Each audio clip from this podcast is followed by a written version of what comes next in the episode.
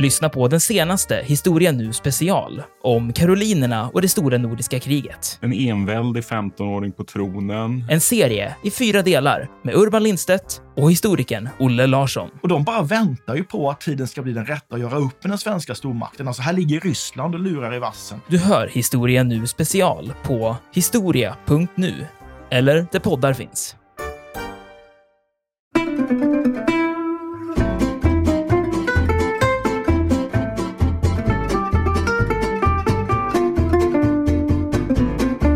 Det finns ett ganska häftigt citat, talande citat från Aftonbladet på 1840-talet som jag hittat. Där det står liksom att vi har det starkaste politiska behov av att ingen del av den skandinaviska stammen slits från den övriga. Och det är liksom ett, ett, ett ord som stammar från den här debatten då, i svenska tidningar om hur man skulle hantera den Schleswig-holstenska frågan som Lord Palmerston tyckte var så komplicerad. Ur Aftonbladets perspektiv var den inte så komplicerad. Vi måste rädda ett skandinaviskt brödrafolk.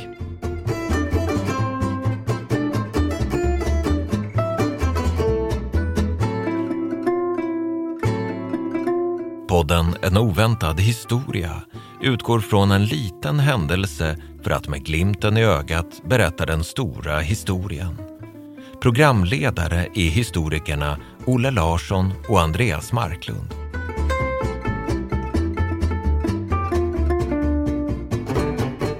Hallå där Olle! Hallå Andreas! Hur står det till? Det är alldeles utmärkt. Perfekt, det är det här också. För att jag ska få prata om ett ämne som ligger mig osedvanligt varmt om hjärtat. Nämligen det särskilda förhållandet mellan Sverige och Danmark. Härommånaden så fördjupade vi oss i de här väldigt nära historiska banden mellan Sverige och Finland, då de är ödesåret 1809 i fokus. Och när vi nu vänder blicken söderut mot vårt sydliga syskonland, eller vad vi ska säga, så är det då 1864 vi, vi måste förhålla oss till. Alltså det är det år vi ska förhålla oss till. Vad säger du om det, Olle? Det låter jättespännande. Bra, för det här är ett ytterligt laddat år i det danska historiemedvetandet. Alltså en riktig borderline event skulle man nog kalla det för inom historiebruksforskningen. Alltså man kan jämföra det med lite 1989, Berlinmurens fall, eh, 9-11, 1709 Poltava i Sverige och så vidare. Jag är gift med en danska och jag har hus och hem i Köpenhamn, eller strax utanför. Och något av det som jag noterade när jag då började få ett vardagsliv i Danmark för ungefär 20 år sedan, det var att det fanns två historiska milstolpar som hela tiden poppade upp i min närhet, så att säga. Det ena var den 9 april, alltså 9 april 1940, då Danmark invaderades av Nazityskland. Alltså det här är så himla laddat och välkänt i Danmark att man, att man inte ens behöver nämna året 1940. Alla fattar att 9 april, att det handlar om andra världskriget och begynnelsen på de här fem förbannade åren som man då inte utan god anledning då kallar naziockupationen för här i Danmark. Och den andra milstolpen som, som hela tiden materialiserade sig i min närhet, alltså filmer, tv-program, tidningsartiklar, men också när man snackade med vanliga danskar och liksom berättade att man, jaha, vad gör du då? Ja, jag är historiker. Det var det, var det här med 1864, eller 1864 som, som dansken säger. Och det här årtalet är väl kanske inte exakt lika laddat och traumatiskt som den 9 april. Men det är klart mer välkänt och, och traumatiskt och laddat än 1809 är hemma i Sverige eller i alla fall i Sverige utanför Umeå. Och det här gjorde mig faktiskt lite perplex när jag kom till Danmark. Alltså jag visste ju naturligtvis vad 1864 handlade om, alltså rent historiskt. Men på ett väldigt, väldigt teoretiskt plan. Det återkommer vi till alldeles strax. Men för många danskar var det här väldigt personligt istället. Och på något obehagligt sätt så verkar det som det hade med mig att göra lite, lite grann. Det kunde vara liksom en onkel på familjefesten eller ja, en, kollega vid julfrukosten som liksom böjde sig fram och, och liksom sa något i stil med 1864 Andreas, vad fan! Eh, varför kom ni inte? Och tonfallet var ju då förvisso alltid väldigt skämtsamt. Alltså man kan säga mycket om Danmark, men det, det är ju på många sätt, umgängeskulturen är väldigt fryntlig. Och ofta hade den här onkeln, kollegan då, i de här situationerna fått sig några järn innanför västen. Men jag fattade ganska snabbt att känslorna var äkta. Det, det fanns känslor i det här, det var allvar Och på något sätt hade Sverige agerat dumt. Sverige hade liksom svikit en vän i nöd, eller mer precis ett syskonfolk i nöd. Alltså, how could you? Det var liksom åt det hållet. Danskarna var inte arga, men besvikna på mig. Och det, det, det är det vi ska prata om idag, Olle. Alltså dels, hur kunde vi göra så här mot danskarna? Men också, vad sjutton var det vi gjorde då egentligen? Eller vad var det vi inte gjorde? Ä ännu mer. Men alltså först, Olle, vad har du för relation till dansk historia? Sträcker den sig längre än till, till Stockholms blodbad?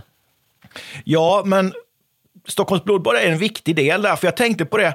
Min, när jag tänker på dansk historia så är det nog vårt gemensamma krigiska förflutna som dyker upp först. Alltså under den tiden när vi var ärkefiender. Och det är ju liksom den onde Kristian den i Stockholms blodbad. Det är den onde Kristian den första i slaget för Brunkeberg 1471. Men sen kommer, jag bor ju i Växjö nu, och eh, Växjö har ju bränts av danskarna, vilket vi ofta återkommer till. 1276, 1570, 1612.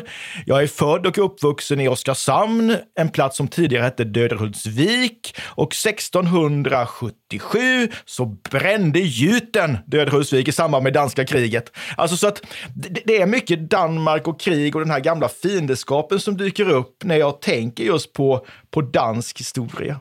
Faktiskt. Eller tyvärr kanske, men så är det. Ja men, ja, men spännande, för det vi ska prata om idag är lite grann den där transformationen, metamorfosen, där vi övergår från att vara arvfiender, som man säger, till att bli de här syskonfolken, eller broderfolken som man sa, sa förr i tiden. För det går rätt snabbt faktiskt och det, det, det, är väldigt fascinerande.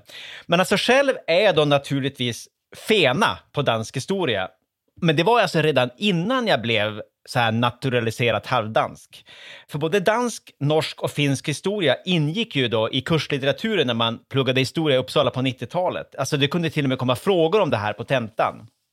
Och något av det som man verkligen fruktade på den här tiden, det var att det skulle komma en fråga som på något sätt berörde Schleswig-Holstein. Alltså det här, eh, jag höll på att säga, ökända dansk-tyska dubbelhertigdömet. Det var bara så himla rörigt, tyckte jag och många med mig. Och jag, ibland finner jag tröst i att jag inte är den enda som har tyckt det. Det finns ju ett väldigt berömt citat som, som kan kopplas till en tidigare brittisk premiär och utrikesminister, Lord Palmerston, som var aktiv i mitten av 1800-talet. Han ska nämligen ha sagt några fantastiska ord om det här, nämligen att det är bara tre personer som verkligen har förstått vad den schleswig-holsteinska frågan handlar om. Dels prinsgemålen Albert, och han är nu död. En tysk professor som idag är sinnessjuk.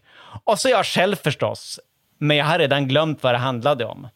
Ja, det är oerhört eh, välfunnet. Ja, ja, verkligen. Men tyvärr är det ganska talande. Och dubbeltyvärr, vi snackar om ett dubbelhertigdöme här, ännu mer tyvärr, så det här med 1864 i Danmark, det handlar om Schleswig-Holstein. Vi kommer inte undan.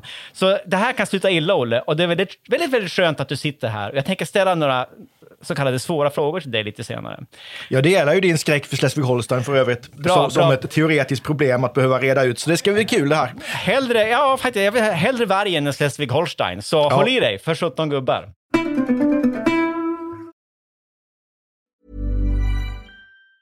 Planning for your next trip? Elevate your travel style with Quince. Quince has all the jet-setting essentials you'll want for your next getaway. Like European linen, premium luggage options, buttery soft Italian leather bags, and so much more. And it's all priced at 50 to 80% less than similar brands. Plus, Quince only works with factories that use safe and ethical manufacturing practices. Pack your bags with high-quality essentials you'll be wearing for vacations to come with Quince. Go to quince.com slash trip for free shipping and 365-day returns. Quality sleep is essential. That's why the Sleep Number smart bed is designed for your ever-evolving sleep needs. Need a bed that's firmer or softer on either side? Helps you sleep at a comfortable temperature? Sleep Number smart beds let you individualize your comfort so you sleep better together. JD Power ranks Sleep Number number 1 in customer satisfaction with mattresses purchased in-store. And now, save 50% on the Sleep Number limited edition Smart Bed for a limited time. For JD Power 2023 award information, visit jdpower.com/awards. Only at a Sleep Number store or sleepnumber.com. Millions of people have lost weight with personalized plans from Noom, like Evan, who can't stand salads and still lost 50 pounds. Salads, generally, for most people, are the easy button, right? For me, that wasn't an option. I never really was a salad guy. That's just not who I am. But Noom worked for me. Get your personalized plan today at Noom.com. Real Noom user compensated to provide their story. In four weeks, the typical Noom user can expect to lose one to two pounds per week. Individual results may vary.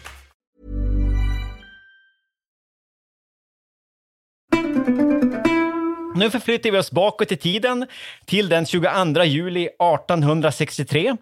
Vi befinner oss i Skodsborg som är en charmig och tämligen välmående liten badort strax norr om Köpenhamn. Det var här som den excentriske danske kungen Fredrik den sjunde hade sitt sommarresidens. Han hade nämligen då gift sig med en kvinna av ytterst enkel börd. Ja, hans hjärtas utkorade Louise Rasmussen, känd som grevinnan Danner, hon var till och med oäkting, född utanför äktenskap av en simpel tjänstepiga. Och det här såg man inte på med, med blida ögon i mitten av 1800-talet. Så för att undvika huvudstadens skvaller och fördömande blickar så höll sig kungen och denna hans hustru nummer tre ganska konsekvent i Skodsborg under sommarhalvåret. Och under de här sommarvistelserna så brukade Louise Rasmussen intar det lilla lustslottet i Skodsborg medan kungen bodde i tält. Han var som sagt en ganska excentrisk monark, ointresserad av allt som hade med politik att göra i stort sett. Men han hade då en omvittnat stark passion för runstenar, pipor och sin ständigt växande samling av märkvärdiga huvudbonader. Det finns ju väldigt många bilder av den här jovialiska monarken där han poserar i fes. Alltså man kan hitta det här med ganska enkel Google-sökning. Jätte, jättehärlig typ på många sätt och vis. Men den 22 juli 1863 är det då fest hemma hos kungen i, i Skodsborg. Och vi bör kanske då tillägga att Fredrik VII ansågs ha något av ett alkoholproblem. Alltså även på den här tiden sa man det. Han drack i alla fall tillräckligt mycket för att det skulle bekymra den danska regeringen, som i grund och botten tyckte att det var ganska okej okay att kungen ibland drog sig tillbaka till Skodsborg, även om det kunde förorsaka en del praktiska problem. Också den här gången då, 22 juli 1863, så blir festen väldigt våt och en av anledningarna är då att kungen har fått finfrämmande från de förenade kungarikena Sverige och Norge, nämligen kung Karl den femtonde. En väldigt stilig Bernadottekung. Alltså de tidiga Bernadottarna var ju väldigt stiliga. Han var då third generation, hade ett pampigt helskägg och en slank figur som gjorde sig synnerligen väl i en stram husaruniform. Men även om de här två kungarna då är gamla barndomsvänner och har liksom svingat ett oräkneligt antal bägare tillsammans, så här är det här det är ett kungamöte, det är ett slags statsbesök. Så här finns också i Skodsborg ministrar, höga statliga ämbetsmän, alltså representanter för staten med bistra ansikten som bland mycket annat har till uppdrag att övervaka de här kungliga partypriserna. För även då eh, Karl XV kunde ju ta sig en bläcka eller två när, när omständigheterna så krävde. Och en av dessa officiella bifigurer var den svenska ambassadören i Danmark, Henning Hamilton, som i sin rapport hem noterade att vinet flödade ymnigt och att de bägge högstämda monarkerna under åtskilliga skålar och skåltal hade liksom omfamnat varandra och bedyrat varandra sin broderliga kärlek och eviga vänskap och dessutom utväxlat, och nu citerar jag, löften om ömsesidigt försvar i liv och död. Så det som hände under det så kallade Skodsborgsmötet 1863 var att Karl XV i ett överförfriskat tillstånd lovade att skicka 20 000 svenska och norska soldater till Danmark om situationen i Schleswig-Holstein skulle eskalera till ett krig mot Preussen. Ja, men alltså det är två pusselbitar som vi måste då lägga på plats för att förstå vad det här handlar om. Den ena är skandinavismen och den andra är dessvärre Schleswig-Holstein. Men jag tror vi börjar med skandinavismen. Vad, vad var det för någonting, Olle? Ja, men skandinavismen är väl en bra uppvärmning innan vi tar oss an Schleswig-Holstein. Men jag tänker att vi börjar med att blicka ut i Europa och så tittar vi europeiskt 1800-tal. Det är ju nationalismens förlovade sekel. Och egentligen så är det ju så här att skandinavismen är en slags nordisk variant av den här nationella väckelsen som vi ser ute i Europa på 1800-talet. Och här handlar det ju om att vi, man identifierar någonting, alltså man talar om det fornnordiska kulturarvet, det vi har gemensamt, någon form av nordisk kärna som gör oss till skandinaver och som egentligen då förvandlar oss till ett folk. Därför att det är ju det som är nationalismens grundtankar, liksom ett, ett folk med i princip gemensamt språk, gemensam kultur, gemensam historia ska bilda en nation. Och en förutsättning för att det här ska fungera, det är ju att Sverige och Danmark har upphört att vara ärkefiender. Alltså vi blir ju förhållandevis goda vänner efter stora nordiska kriget. Det tar ett tag. Det är som en, det, men, men det blir bättre och bättre och bättre. Och jag, jag upphör egentligen aldrig att förvånas över det här, hur två länder som har varit ärkefiender så länge blir så goda vänner på så kort tid. Det tycker Precis. jag är fascinerande faktiskt. Som har bränt Växjö så många gånger. Som har bränt Växjö tre gånger i alla fall. Ja, det, det, det är fascinerande. Men det är ju här då på 1800-talet som man börjar, i alla fall i vissa kretsar, det börjar väl framförallt bland akademiker, bland skalder, lyfta fram det här nordiska gemensamma. Och vad är det då man lyfter fram? Ja, man är ju det viktiga i vårt arv är, är ju då framförallt vikingatiden. Det är de nordiska gudarna, det är den nordiska mytologin, det är våra runstenar, våra gemensamma fornlämningar. Det är liksom, ja, en vurm för, för vikingatiden och liksom det som har med vikingatiden att göra. Det ser vi som gemensamt skandinaviskt. Precis, alltså man, man går ju väldigt långt tillbaka i historien på något sätt. Alltså man, man ignorerar den här ganska blodiga, konfliktfyllda, det är ju närmast samtidshistorien då, alltså 1600-talets många krig och härjningar. Och går tillbaka till vikingatiden som hade upptäckt att det här har vi, det här har vi gemensamt. Det är någonting som gör oss till, till de vi är idag. Det tror jag är jätteviktigt. Men jag gillade också där du drog fram den där realpolitiska dimensionen. Alltså, efter stora nordiska kriget är ju både, alltså framförallt Danmark, det hände redan under 1600-talet, men Sverige börjar vara liksom second rate power. Sverige är ju inte så stormakt i, i, i Europa längre. Vi är ganska små och obetydliga. Och upptäcka att vi kanske, vi kanske behöver varandra för att kunna hävda oss emot stora hotfulla grannar, alla Preussen och inte minst Ryssland. Ja, det har vi ju gemensamt och det här gör ju att det här som skulle kunna blivit liksom något slags pittoreskt inslag bland i akademiska miljöer eller skalder där man träffas, klär ut sig i hornbeprydda hjälmar och svingar Ja. en stor, ett stort horn med, med mjöd. Det blir ju faktiskt mer än så, för det här blir ju en, en rörelse som får politisk laddning och som blir liksom politiskt viktig från säg 1840-tal och framåt. Och det är ju både svenska och danska politiker som attraheras av den här tanken med någon slags gemensamt eh, skandinaviskt. Alltså återigen, vi, vi är utsatta för ett hot. Vi har Preussen i söder, vi har Ryssland i öster. Hur ska vi hantera det här? Ja, men kanske skulle vi vara starkare tillsammans. Varför inte ett enat Norden? Och ur ett svenskt perspektiv och kanske till delvis också ur ett danskt perspektiv, varför inte enas då under eh, den kungliga familjen Bernadotte? Precis, jätteviktigt. Ja, men det är bara inflika här, det är så, du, du nämner ju svensk-danskt hela tiden, det är ju jätteviktigt. För att det, det, här, det här blev ju riktigt stort faktiskt där i Sverige och Danmark i början av 1800-talet. Men både norrmännen och framförallt finnarna då, de är verkligen, alltså finnarna är verkligen vid sidan av. De har ju nog med sina egna, vad ska man säga, nationalistiska stridigheter mellan fenomaner, finskhetsivrare och svenskhets'ivrare. Men även norrmännen då, som ju då är i en ganska impopulär personalunion i Sverige, de är med på de här skandinavistiska mötena, men de är inte alls lika passionerade och absolut inte lika, eh, det är inte lika månghövdad skara från Norge som är med vid de här mötena. Men i Danmark och Sverige, där går man ju verkligen, som man säger på nutidssvenska, där går man verkligen all in. Och du nämnde ju den här tjusige kungen, svenska kungen Karl XV i sin eh, stiliga husaruniform. Och han var ju erkänt stilig. Han var ju också populär hos damer, men han var ju liksom populär hos folket. Han var ju en kung som människor tyckte om och han var karismatisk och- han var en, en besjälad skandinavist. Vilket gör att de här idéerna får ganska stort genomslag i Sverige. Och det tror jag mycket är tack vare kungen och hans, eh, hans karisma. Och han delar ju som sagt då i den här, den här idén med den danske kungen Fredrik VII. Ja, precis. Det är ju också viktigt. Fredrik VII var ju då själv ivrig skandinavist. Men en viktig faktor här gällande honom är att han, han, saknade ju då legitim avkomma. Alltså han själv var ju, trots att han var på många sätt ganska oduglig som monark, så var han väldigt poppis hos befolkningen på grund av att han var så här ganska han ansågs folklig, han, han, han kallades för Fredrik Folkekär.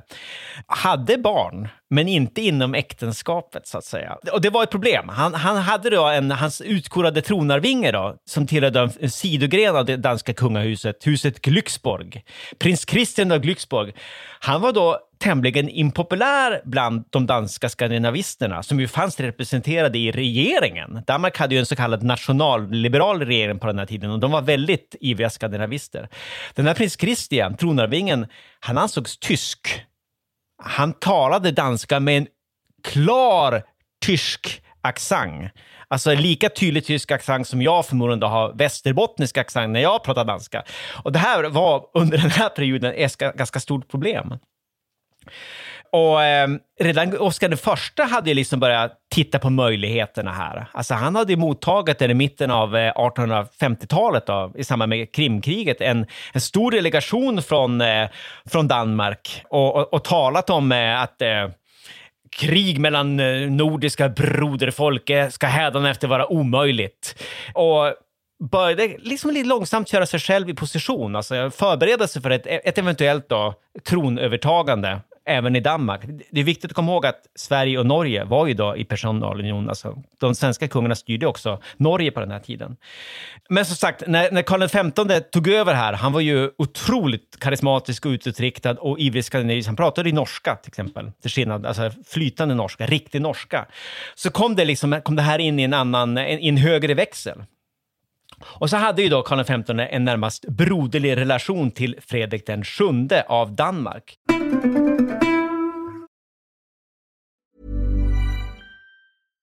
One size fits all seemed like a good idea for clothes. Nice dress. Uh, it's a t-shirt. Until you tried it on. Same goes for your healthcare. That's why United Healthcare offers a variety of flexible, budget friendly coverage for medical, vision, dental, and more. So, whether you're between jobs, coming off a parent's plan, or even missed open enrollment, you can find the plan that fits you best. Find out more about United Healthcare coverage at uh1.com. That's uh1.com. Quality sleep is essential. That's why the Sleep Number Smart Bed is designed for your ever evolving sleep needs. Need a bed that's firmer or softer on either side? Helps you sleep at a comfortable temperature? Sleep Number Smart Beds let you individualize your comfort so you sleep better together. JD Power ranks Sleep Number number 1 in customer satisfaction with mattresses purchased in-store. And now, save 50% on the Sleep Number limited edition Smart Bed for a limited time. For JD Power 2023 award information, visit jdpower.com/awards. Only at a Sleep Number store or sleepnumber.com. Hiring for your small business? If you're not looking for professionals on LinkedIn, you're looking in the wrong place. That's like looking for your car keys in a fish tank. LinkedIn helps you hire professionals you can't find anywhere else, even those who aren't actively searching for a new job but might be open to the perfect role. In a given month, over 70% of LinkedIn users don't even visit other leading job sites. So start looking in the right place. With LinkedIn, you can hire professionals like a professional. Post your free job on linkedin.com slash people today.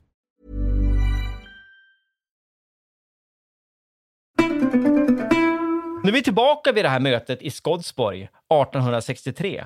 Och Olle, tyvärr, den, den andra pusselbit som vi behöver för att förstå det här ödesdramat, det är ju de politiska turerna då kring, kring Schleswig-Holstein, alltså min gamla nemesis från åren i Uppsala som nu kommer tillbaka och nafsar oss i våra ändalykter. Skulle du kunna reda ut ungefär vad, det, vad det här, ungefär vad det här handlar om, om vi då begränsar oss till, till 1800-talet? Ja, lätt nervöst darrande så ska jag försöka ge mig på detta. Men vi kan väl konstatera då att Schleswig-Holstein är ett dansk-tyskt dubbelhertigdöme och har då vållat en hel del problem i politiken, i varje fall sedan slutet av medeltiden. Eh, och något förenklat så är det så här att kungen av Danmark är hertig i både Schleswig och Holstein. Så långt är det inga större konstigheter. Men Schleswig var då mer danskt, för Holstein var medlem i det tyska förbundet. Och vad var då det tyska förbundet? Jo, det tyska förbundet var en ersättning för det gamla heliga romerska riket av tysk nation, alltså det tysk-romerska riket som faktiskt blev upplöst 1806 av Napoleon under Napoleonkrigen. Och det här tyska förbundet skapas i samband med Wienkongressen 1815, då då segermakterna träffas för att dra upp riktlinjerna för hur det här nya Europa skulle se ut efter Napoleons fall. Och Holstein har ju också då, det är inte bara en del av det här tyska förbundet, det har också en stor tyskspråkig befolkning. Och det här är då, så under 1800-talet börjar det här bli ett problem därför att nationalismen i Tyskland är jättestark. Man skulle kunna säga att det är nästan på i, det är i Tyskland den moderna nationalismen föds. Och här finns det då liksom en tanke, bland vissa kretsar i alla fall, att vi är, vi är holsteinare som är tyskar, vi borde ju egentligen dra oss åt den tyska kultursfären. Medan Schleswig har det motsatta förhållandet, där har vi en ganska stor danskspråkig majoritet. Och de pratar istället om att vi är ju då faktiskt inte tyskar utan danskar. Så vad vi har här det är ju helt enkelt ett, ett dubbelhertigdöme som börjar dras åt två håll åt det tyska området, Tyskland existerar ju inte som en enad stat än, och åt det danska området. Och det där ställer ju till problem. Men ungefär så, det är ju det som är läget. Mm.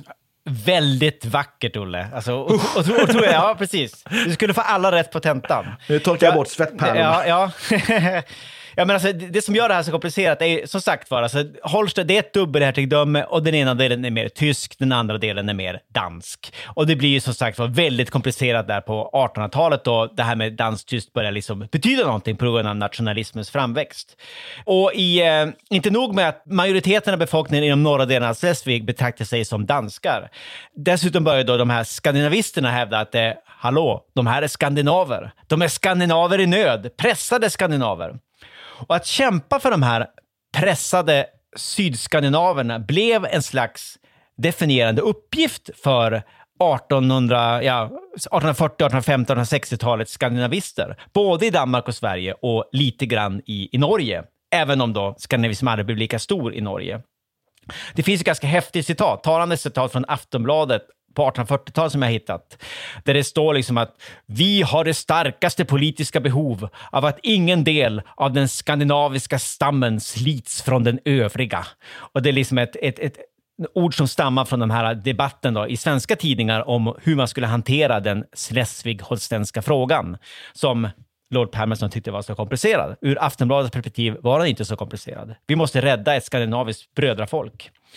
Ett annat exempel på hur laddat det här var är då den danske politikern Orla Lerman som var en skandinavistisk nationalliberal, höll ett flammande tal vid ett skandinavistiskt stormöte på Tivoli i Köpenhamn 1845. Då han hade över 10 000 åhörare, framförallt då studenter, eh, men också olika typer av intellektuella och skribenter från Danmark, Norge och Sverige som lyssnade på honom. Han frågade om de var redo att hålla ihop tills de hade räddat hela det stora skandinaviska Norden. Och det besvarades då med ett rungande ja från åskådarna och åhörarna. Och då, då fattade man, alltså i den kontexten, att det här med det stora skandinaviska Norden, ur ett danskt perspektiv framförallt, det var ju naturligtvis då, det handlade om Schleswig-Holstein det gick svenskarna med på, men även om den svenska figuren också drömde om Finland. Men jag tror att vissa hade den här idén att man kanske börjar med att fixa Schleswig-Holstein-delen och sen får man med sig danskarna och återerövra Finland. Alltså det, det, den här revanschismen vi har pratat om tidigare från svenskt håll gällande Finland var en viktig del av allt det här. Men sen, sen blir det problem, Olle, 1848 lanserar ju då den här nationalliberala danska regeringen, den nämnda Orla Lerman ingår, ett politiskt program kallat Eider-programmet. Vad, vad går det ut på? Det var också ja, det en fråga man kunde få. Det är ju starkt präglat av nationalismen då. När man ser då Holstein-delen som en mer del av, alltså, av en slags tysk kultursfär och den schlesiska delen som en mer eh, dansk kultursfär. Och här tänker man sig då att vi släpper Holstein till Tyskland och sen så fördanskar vi Schleswig istället och gör det här till en naturlig del av det danska riket. Och det här leder ju till krig. Och det här är ju vad ska man säga? Det här blir ju någon slags, det första Schleswig-Holsteinska kriget, det är ju de facto ett slags danskt inbördeskrig. Ja, ett väldigt eh, blodigt sådant. Ett mycket blodigt sådant, där vi har danska regeringsstyrkor på ena sidan och sen rebeller kan vi väl säga, eller några milisförband från Schleswig-Holsteins sida på den andra. Och de har ju också stöd då från preussiska trupper. Och det här är ju liksom när, när Preussen allt mer börjar framträda som, tillsammans med Österrike, men som den absolut viktigaste staten i den här eh, tyska statsbildningen. Precis, precis. Absolut, här börjar man fatta att det här är inte bara komplicerat, det här är dessutom ganska farligt. Men Sverige är ju också involverat i den här konflikten, eller hur? Alltså det är ju svensk-norska trupper som ingår som en slags eh, fredsbevarande hjälpstyrka. Det är nästan lite, nästan lite blå hjälmar, FN, över det. Det är 4 500 man från Sverige och Norge då, som eh, skickas till Danmark, men de deltar inte då i striderna i det här Schleswig-Holstenska området, utan de var utplacerade då på Själland, på Fyn, på Jylland och flera av de danska småöarna för att förhindra att kriget spillde över då i det egentliga Danmark, alltså förhindra då i, i, egentligen då preussisk aggression. Och sen var ju Oscar den första då med som fredsförhandlare och bidrog då till att Preussen i ett relativt tidigt skede kallade tillbaka sina trupper från Danmark. Och det var bland annat det här som bidrog till att Oscar den var ju otroligt poppis i Danmark. För han hade liksom ja, hjälpt till, assisterat under det här kriget. Och det var bidragande till att han mottog den här danska delegationen på sitt slott i mitten av 1850-talet där det började talas om möjligheten att han kanske skulle bli någon slags skandinavisk unionskung. Nåväl, vi spolar framåt ganska snabbt till år 1863. Då gör ju den nationalliberala danska regeringen, som alltså dominerades av skandinavister, ännu ett försök att lansera ED-programmet, men nu då under ett nytt namn. Alltså det här med att man ska släppa Holstein, men införliva Schleswig i den danska nationalstaten. Och om man visste att det här skulle generera en viss turbulens och oro bland stormakterna, inte minst hos Preussen då, som ju verkligen var den framstormande stormakten i det här området. Och det är ju det som Fredrik VII och Karl XV snackar om i Skodsborg. Alltså, man visste att det snart skulle bli hett om öronen igen. Eftersom Danmark skulle göra ett nytt försök att säkra Skandinaviens gränser söderut. Men danskarna behövde inte vara oroliga, försäkrade Karl V sin kollega om. Svenskarna och norrmän skulle komma till deras undsättning, alltså 20 000 svensk-norska soldater skulle blandas i det här. Vad vi kan lägga till här det är ju då att det här är ett Preussen där den preussiske kungen Wilhelm den förste just har kallat hem sin Parisambassadör, den inte helt okände Otto von Bismarck, som inte la fingrarna emellan. Nu skulle det börja hända saker. Nu var det slut på allt prat. Nu var det blod och järn och handling som gällde. Precis, Tyskland skulle enas i blod och järn. Ja. Alltså det, det, det är också en del av den här kontexten kan man säga. Blut und Eisen. Exakt. Men alltså, det blev inte så att, att svenskarna kom, Olle. Alltså, det kom inga 20 000 soldater från, från Sverige. Det kom eh, några hundra frivilliga, men det var allt. Så det här blev istället då en väldigt obehaglig baksmälla, både för Karl XV och för Danmark. För det första så kördes ju Karl XV över av sin egen regering via en, någon slags regeringskonselj på Ulriksdals slott strax norr om Stockholm i början av september 1863 då kungen då egentligen då fick skäll av både den svenska statsministern Louis de Geer, den norska statsministern och den väldigt kraftfulla svenska finansministern Johan August Gripenstedt. Alltså de skällde ut kungen och drog direkta paralleller till Karl XII och Gustav IV Adolf och allt det elände de hade ställt till med. Alltså de drog sig med av diverse utrikespolitiska dagdrömmerier. Och den ena förlorade Sveriges stormaktsställning och sitt eget liv, Karl XII. Den andra förlorade Finland och sin egen kungakrona, alltså Gustav IV Adolf. Så vill inte Karl XV sluta sina dagar väl, förklarade man för kungen. Så det var alltså basically, grundläggande sett var det väldigt orealistiskt ansåg man att Sverige skulle gå i krig mot Preussen, även om man i allt väsentligt sympatiserade med Danmark. Och det var ju regeringen som eh, styrde utrikespolitiken, så man beslutade att Sverige enbart då skulle intervenera i Schleswig-Holstein om Frankrike och Storbritannien gjorde detsamma. Och vi kommer ihåg Lord Palmerstons inställning till den Schleswig-Holsteinska frågan. Det var för obegriplig för att man överhuvudtaget skulle befatta sig med den.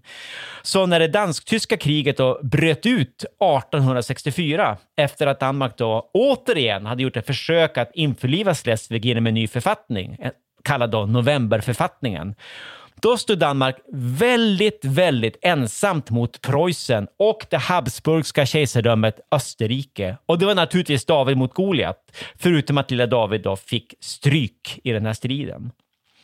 Den officiella krigsförklaringen från Preussen och Österrike kom den 18 januari 1864. Redan, men redan på julafton då så hade då ländernas trupper ryckt in i Holsten och började besätta strategiska nyckelpunkter. Och det här gick ju jättedåligt för Danmark.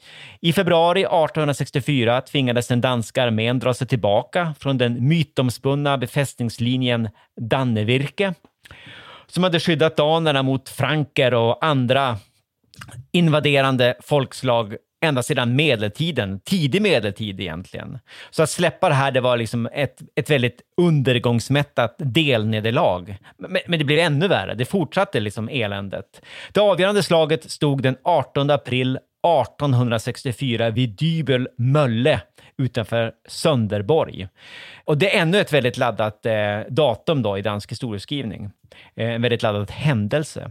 Det här slaget inleddes i gryningen med ett sex timmar långt preussiskt bombardemang som liksom eh, mjukade upp de danska försvarslinjerna linjerna. och sen stormades då de danska ställningarna av enorma mängder preussiska soldater. Danskarna förlorade 4 800 man i det här slaget i Dybel. Cirka 2 000 döda och sårade, resten blev krigsfångar. Och fyra av de fallna var då svenska frivilliga. Och det var också ett tiotal svenskar som togs till fånga av, av preussarna. Men hur gick det med Schleswig-Holstein då, Olle? Törs man, törs man ställa en sån fråga? Jo, det törs man göra. Jo, det går ju inte så bra ur ett danskt eh, perspektiv därför att man sluter fred i Wien den 30 oktober 1864 och då tvingas faktiskt Danmark avstå hela Schleswig-Holstein till eh, motståndarna. Och det är ju både då till Österrike och, eh, och Preussen.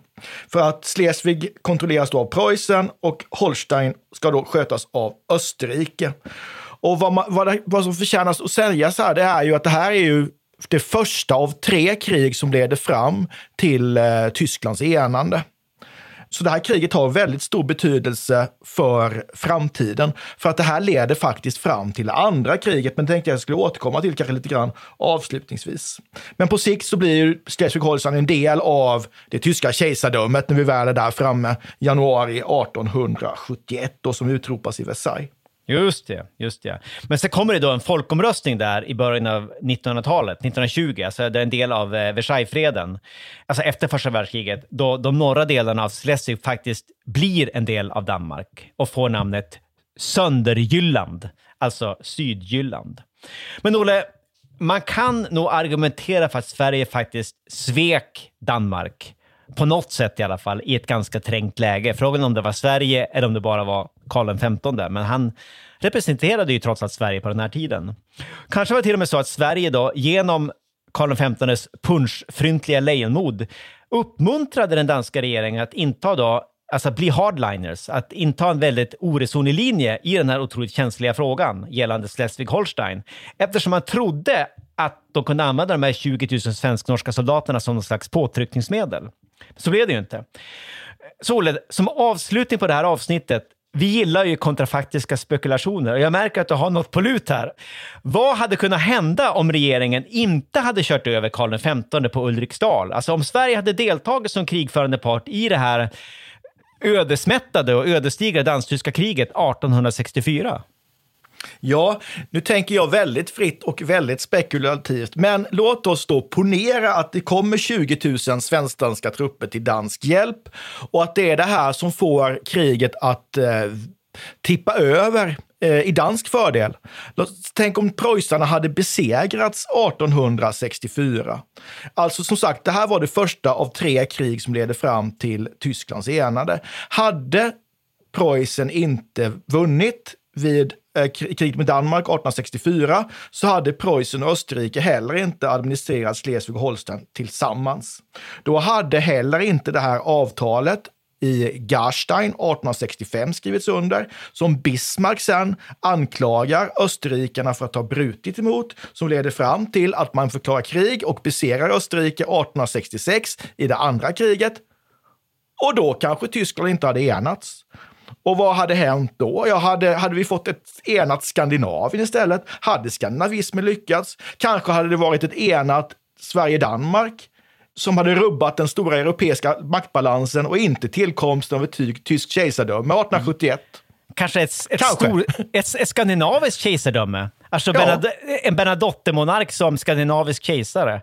Alltså det är jättespännande, Olle, men det, det är ett faktum att de här Bernadottarna där i mitten av 1800-talet, de var jättepopulära i Danmark. Alltså det märker man fortfarande än idag. Alltså huset Bernadotte har liksom en verkligen positiv konnotation i Danmark. Och eh, det har kommit en ny bok som visar att det fanns seriösa kuppplaner bland vissa ledande danska politiker där på 1850-talet eftersom man ogillade den här prins Christian av Glücksborg, som sedan blev Kristian IX, men såg då Karl XV som en möjlig räddning. Alltså det fanns planer om att kidnappa den här Kristian IX istället och insätta Karl XV som någon slags stor skandinavisk unionskung. Och ett krig där Sverige verkligen, Karl V verkligen levererade hade nog kunnat ändra ganska mycket. Alltså i alla fall ur det perspektivet. Men spännande, Olle. Det här... Eh, vi, vi har ju löst den schleswig-holsteinska frågan, jag på att säga. Ja, men nästan på. Det här känns Nej. ju oerhört stort. Hur ska denna dag sluta? And on that positive note så tror jag vi säger tack och adjö för idag.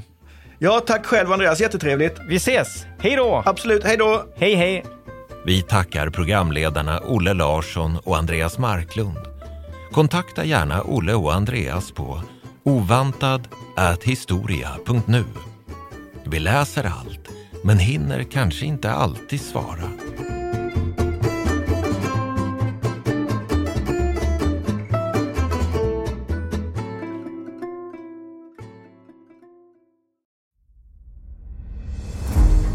Jakob de la Gardie är den enda svenska fältherre som lett en armé till Moskva och trätt fram inför tsaren. Bedriften gjorde honom till en av 1600-talets största befälhavare. Moskvas erövrare är den första biografin över Jakob de la Gardie, en av stormaktstidens portalfigurer. Historikern Peter Ullgren följer hans stormiga bana från den föräldralösa barndomen vid 1500-talets slut till maktens topp och den mullrande statsbegravningen i Stockholm 1652. Moskvas erövrare är utgiven av förlaget Historiska Media. Ljudboken finns tillgänglig hos streamingtjänster som Bookbeat, Storytel och Nextory. Beställ den fysiska boken på förlagets hemsida historiskamedia.se eller köp den i en bokhandel nära dig.